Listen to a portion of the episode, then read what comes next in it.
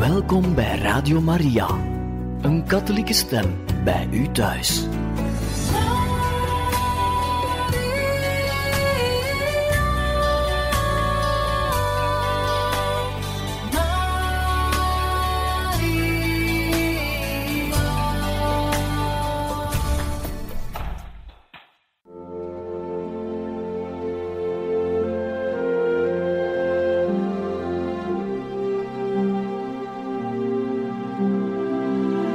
Beste luisteraars van Radio Maria, welkom bij het programma Catechismus.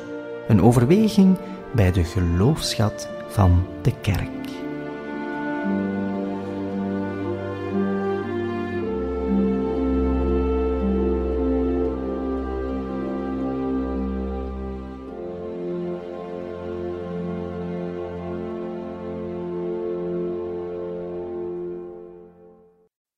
Van harte welkom, beste luisteraars van Radio Maria, bij het programma Catechismus. Vandaag zullen wij kunnen luisteren naar eerwaarde heer Arthur Janssens in deze catechesis over het nieuwe in de blijde boodschap. Goede vrienden van Radio Maria. Enkele dagen na de genezing van de Melaatse vertoefde Jezus weer in Cafarnaum. Talrijke mensen drumden zich te pletter tegen het huis. Het huis waarbinnen Jezus volop aan het prediken was. En toen gebeurde er weer iets heel bijzonders.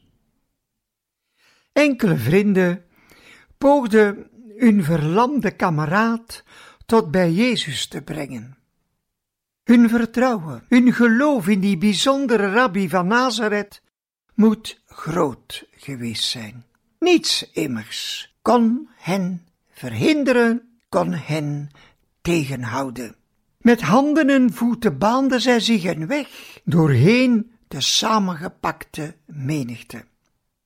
Aan de deur van de woning echter was er geen doorkomen aan.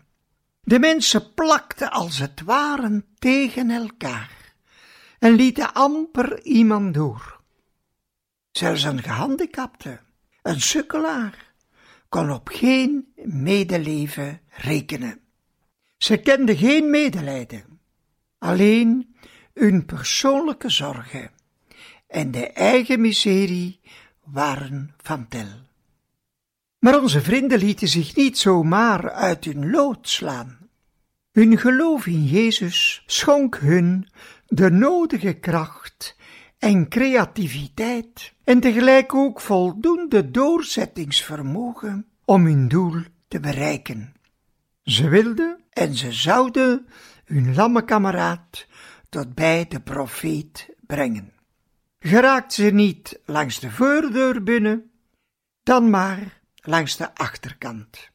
Ze wrongen zich dus zo goed en zo kwaad als het ging doorheen de opdringende menigte. Een eenvoudig ommetje. In de buitentrap brachten de oplossing. Met enige moeite sleurden ze de berry met de lammen de trap op. Eens boven lieten ze hem heel omzichtig naar beneden zakken, recht voor de voeten van Jezus. Kunnen jullie zich dat waanzinnig tafereel voorstellen? De verbazing van de prekende Jezus, de verbijstering van het aanwezige volk en het langzaam naar beneden komen van de lammen. Er viel een adembenemende stilte. Aller ogen staarden vol ongeloof naar de lammen en naar Jezus en naar de beide mannen die met hun hoofd door het gat van de zoldering te zien waren. En dan lees ik in het evangelie een heel merkwaardig zinnetje. Toen Jezus hun geloof zag. Er staat niet zijn geloof. Het geloof dus van de lammen. Nee, er staat hun geloof. Het geloof van de dragers. Met andere woorden, Jezus geneest eigenlijk de lammen omwille van het geloof dat de dragers van de berry met daarop de lammen hadden tentoongespreid. Omwille dus van hen, die zich de moeite hadden getroost om hun lamme vriend tot bij Jezus te brengen, deed Jezus zijn wonderteken. Zij hadden voor de armen gekozen, zelfs in moeilijke omstandigheden. Maar door deze levenskeuze, waarschijnlijk zelfs zonder het zelf ten volle in te zien, vormden ze wel kerk. Door en met en in Jezus. Eigenlijk maakten ze doorheen de keuze om die lammen te helpen, de droom van Jezus waar. Het werd een afspiegeling van de gemeenschap waarvan Jezus droomde. Mensen namelijk die voor mekaar kiezen vanuit Jezus en in de kracht worden gesteld door de Heilige Geest. Zo zag Jezus zijn kerk, waarvan Petrus de rots zou moeten worden. De kiemen daarvan vond hij terug bij die eenvoudige mensen. Toen reeds hebben wij er ooit al eens aan gedacht? Hoe ook wij doorheen ons leven van elke dag en doorheen onze keuzes daarin kerk kunnen vormen, kerk kunnen zijn. Hebben we er al eens ooit aan gedacht? Wat wij doorheen ons geloof voor anderen kunnen betekenen en wat een meerwaarde dat kan geven aan onze gewone solidariteit. Alleen al omdat dan Jezus bij ons handelen betrokken wordt. Het soortelijk gewicht van onze daden weegt dan zoveel meer door. We kunnen ons niet genoeg bewust van zijn hoe wij doorheen onze keuzes en doorheen ons handelen Jezus dichter bij de mensen kunnen brengen. Maar wij dienen er tegelijk ook meer bewust van te zijn, meer dan ooit, dat we hiervan moeten getuigen. Dat we het medemensen ook moeten durven zeggen. Dat we het hen op hun hart moeten drukken. Alles wordt anders wanneer wij spreken en handelen vanuit Jezus. Op deze manier namelijk zoals wij het beleven vanuit Jezus, krijgt het leven een totaal andere en nieuwe kleur. We gaan de werkelijkheid, al datgene dat ons omringt en dat met ons gebeurt, met andere, met nieuwere ogen bekijken. Leven vanuit Jezus schenkt ons een positievere kijk op ons dagelijks leven het nog kunnen verwonderd zijn over zoveel kleine dingen, over een fijn gebaar, een deugddoend woord, kan ons zoveel gelukkiger maken. Zou dat voor mensen van vandaag en vooral voor onze jongeren ook niet als iets ongelooflijks nieuw kunnen overkomen? Dat dat wat we mogen doen in het leven zoveel meer kan inhouden dan hun schamele en persoonlijke inzet, mogen ervaren en voelen wat een impact het heeft op onze persoonlijke ik, te mogen behoren tot de vriendenkring van Jezus. Kijken we dan niet met andere ogen naar elkaar? Misschien zelfs, ik zou zeggen, waarschijnlijk, met de ogen van Jezus zelf. En verruimt dat niet onze blik, maar ze moeten het wel horen en zien. Hebben we er dan bovendien al eens aan gedacht?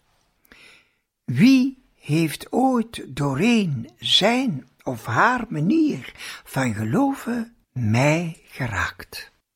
Meer nog en tot bij Jezus gebracht. Als dat zo is, ja, dan is dat vast en zeker een moment om dankbaar voor te zijn.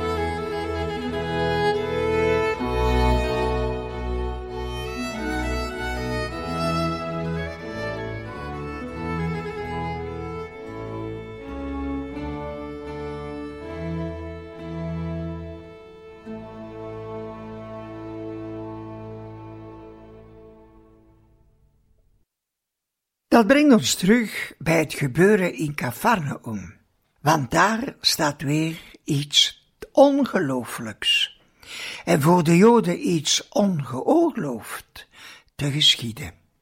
De schriftgeleerden konden het alleen maar kil en met afgrijzen vaststellen. Die man spreekt godslasterlijk. Die man handelt godslasterlijk. Verder dan dat kwamen ze niet. Zij, de Farizeeërs, waren dan ook niet zozeer aanwezig om met een open hart naar Jezus te luisteren. Nee, zij hadden andere oogmerken. Zij hoopten die eigenzinnige leraar en zelfmeet man eens duchtig op zijn plaats te zetten. Wat hij te verkondigen had, was het minste van hun zorgen. En eens goed belachelijk maken, dat was hun opzet. Waar had die man in Gods naam gestudeerd? Had hij wel een diploma? Jezus vermoedde natuurlijk wel hun slechte gedachten, maar hij zag vooral de zieke, die daar zo hulpeloos voor zijn voeten lag. Hij zag de hoop die in zijn ogen te lezen stond. Jezus zag zoveel meer dan alleen dat verlamde lichaam.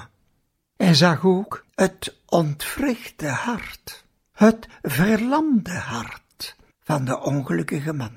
Het hart dat het spoor van God bijster was. Zijn relatie met God was doorheen zijn levenssituatie tot onder het vriespunt Dat zag Jezus. En dat pakte hem. Dat kwaad wilde hij met haar en wortel uittrekken. Daarom drong hij met zijn helende kracht tot de kern van alle kwaad door. De zonde, het negeren van de invloed van God op het leven. God die niet anders wil dan ons beminnen met daar tegenover de mens die denkt alleen genoeg te hebben aan zichzelf. Het is het eeuwigdurende drama dat de geschiedenis van God met de mens tekent en bezwaart. Maar zover dacht de lammen op dat ogenblik niet. Die gedachte kwam zelfs niet bij hem op. Hij was te zeer met zijn eigen lichamelijke miserie bezig. Is er iets menselijker? Jezus begreep dat maar al te goed. De lammen wilden op de eerste plaats bij Jezus geraken, die rabbi uit Nazareth. Hij was zijn laatste hoop. In zijn ogen kon alleen deze befaamde profeet hem uit zijn ondraaglijk lijden redden. Hij had er heel wat voor over gehad. Al dat getrek en gesleur, de vloeken en de onwil die hij ten alle kanten diende te ondergaan. Maar zijn vertrouwen, zijn geloof in Jezus, dankzij de hulp van enkele vriendelijke medemensen, bleef ongeschonden. Hoe anders was de houding van de Fariseërs? Zij waren heel en al rancune. Die Jezus kon in hun ogen niets goed doen. En toen, toen vielen dan nog plots die voor de Fariseërs zo godlasterlijke woorden. Mijn zoon, uw zonde, uw vele zonde zijn u vergeven. We lezen wat verder bij Marcus nu zaten er enkele schriftgeleerden tussen de mensen, en deze zeiden bij zichzelf: Wat zegt die man daar? Hij spreekt God lasterlijk. Wie anders kan zonde vergeven dan God alleen? De Fariseërs hadden, verblind als ze waren, in het geheel niet door wat Jezus beoogde. Voor hem was het oogst dringende de relatie met God herstellen. De godsrelatie stond bovenaan. Door de lamme vergiffenis te schenken, wou Jezus vooral de verzoening met God bewerkstelligen. Hij wilde de schriftgeleerden laten inzien dat een breuk met God het dodelijkste vergif is dat er bestaat voor de mens. In zondeleven is de gevaarlijkste handicap die een mens kan overkomen. In de ogen van Jezus een veel ergere handicap dan het lichamelijk lam zijn. Voor vele hedendaagse mensen moet dat vreemd in de oren klinken. En voor de Joden, vergeet niet dat zij in het lichamelijke lijden het zichtbaar worden van een zondig leven zagen. Door de lam lichamelijk te genezen, nam Jezus het uiterlijk stigma van zondigheid weg. Wat een bevrijding moet dat niet voor die lammen geweest zijn. Maar ondertussen voelde Jezus duidelijk de ergernis van de schriftgeleerden. Zij immers waren er grondig van overtuigd dat Jezus met dit wonderteken God beschadigde. God moest dus beschermd worden tegen die laakbare houding van die man. Was dat, als priesters en oudsten van het volk, niet hun taak? God buiten het bereik van het gewone volk houden? Alleen de uitverkoren kasten toegang schenken tot hem? Dat was toch hun recht? Alleen de hoge priester mocht het heilige der heiligen in de tempel betreden.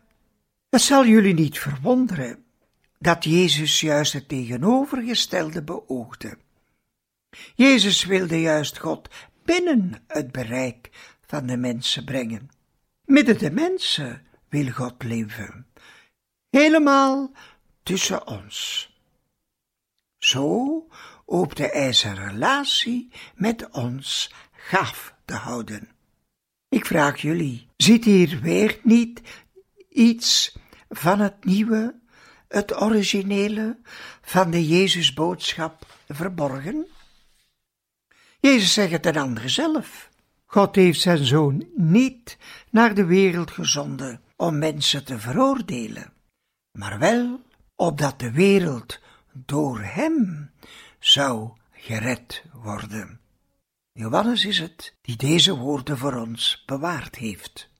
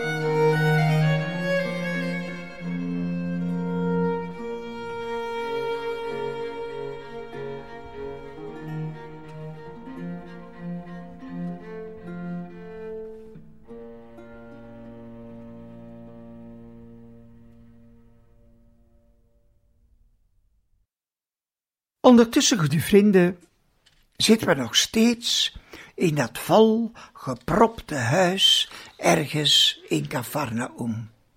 In de woonkamer hangt er een spanning om te snijden. Vriend en vijand staan dreigend tegenover elkaar. En te midden van die vijandige stemming ligt nog altijd de lamme voor de voeten van Jezus. Hoopvol en vol vertrouwen keek deze Jezus aan. Jezus had hem dan nog niet genezen, maar hij had hem wel reeds opgenomen in zijn vriendenkring, in de vriendschap van hem en in die van zijn vader. Wat voelde hij zich daar goed bij?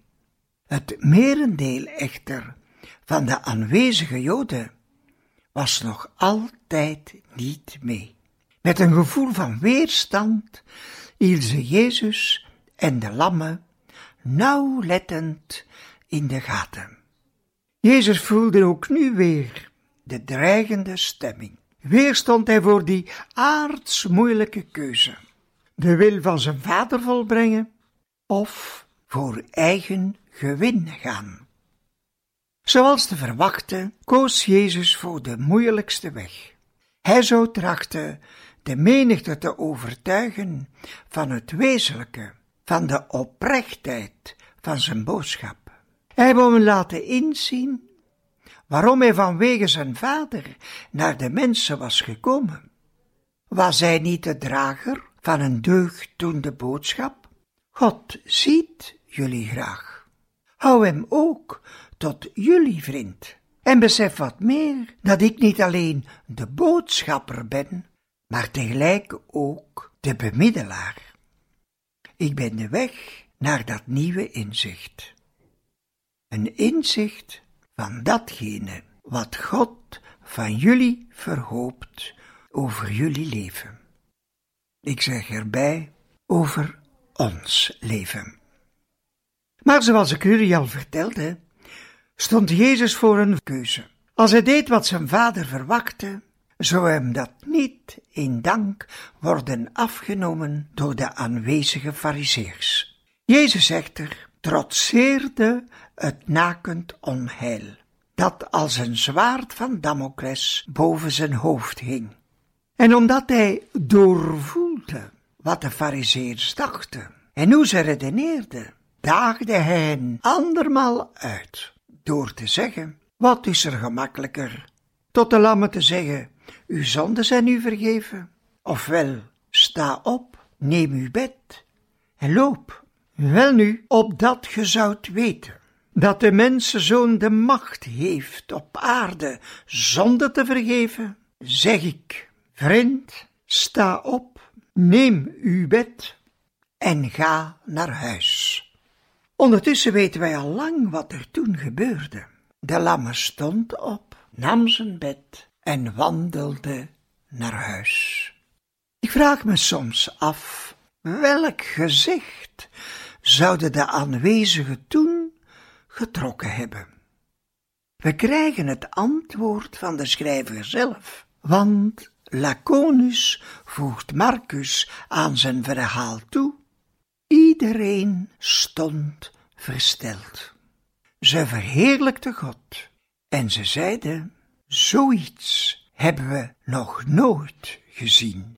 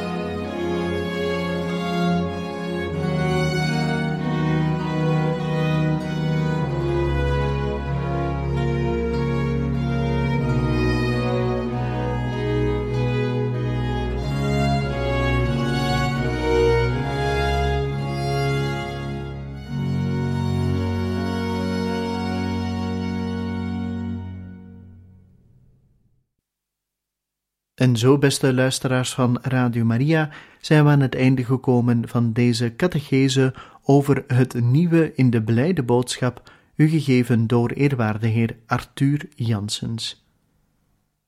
Wij danken u van ganser harte en wensen u nog een bijzonder fijne dag toe.